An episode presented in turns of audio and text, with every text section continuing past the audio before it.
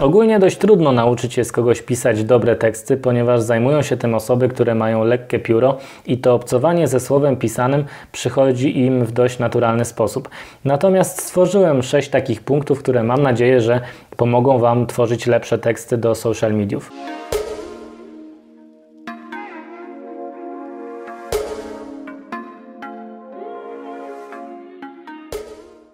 Pisząc tekst do posta, pamiętaj o tym, aby ten tekst rozwiązywał jakiś problem. Jeśli sam tekst nie rozwiązuje tego problemu, to możliwe, że produkt, który oferujesz bądź promujesz w tym poście, rozwiązuje dany problem. Warto jest, abyś właśnie o tym napisał.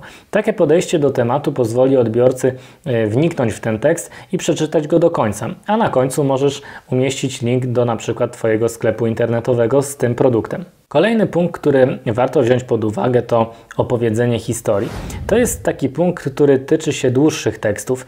Czasem możemy zauważyć teksty, które mają trzy kropeczki e, i jest napisane więcej. Po kliknięciu w tą sekcję rozwija nam się bardzo długi e, post na Facebooku. Właśnie ten element, abyś opowiadał historię w postach, tyczy się właśnie tego typu postów. Warto jest, aby ta historia była bardzo emocjonująca, a czasem osobista.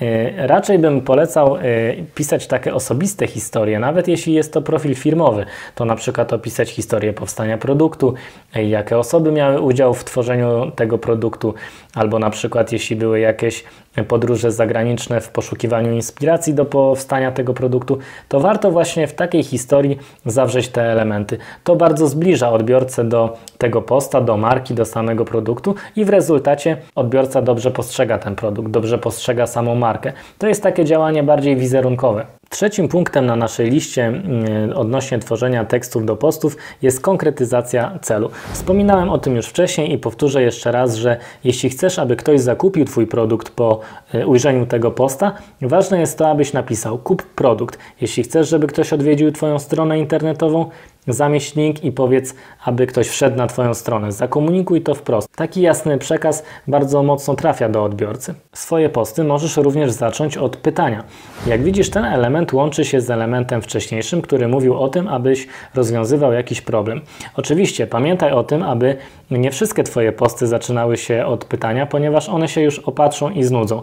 Natomiast raz na jakiś czas dobrze jest zacząć post właśnie od pytania. W postach sprzedażowych, które publikujesz na portalach społecznościowych, ważne jest, abyś e, umieścił limit czasowy co do trwania oferty.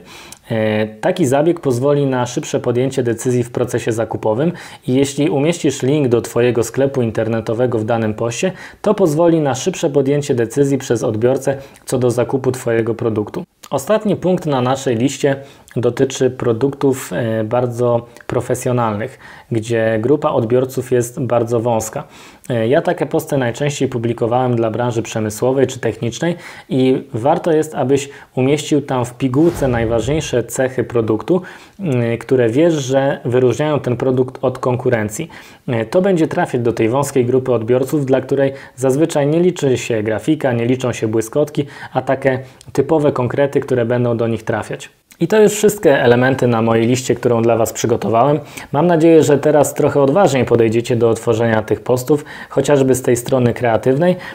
I proszę, abyście zostawili komentarze, jeśli interesuje Was jakieś zagadnienie z tematyki marketingowej bądź social mediowej, a w kolejnych filmach postaram się odpowiedzieć na Wasze pytania, czy też podjąć tematy, które e, Was zastanawiają.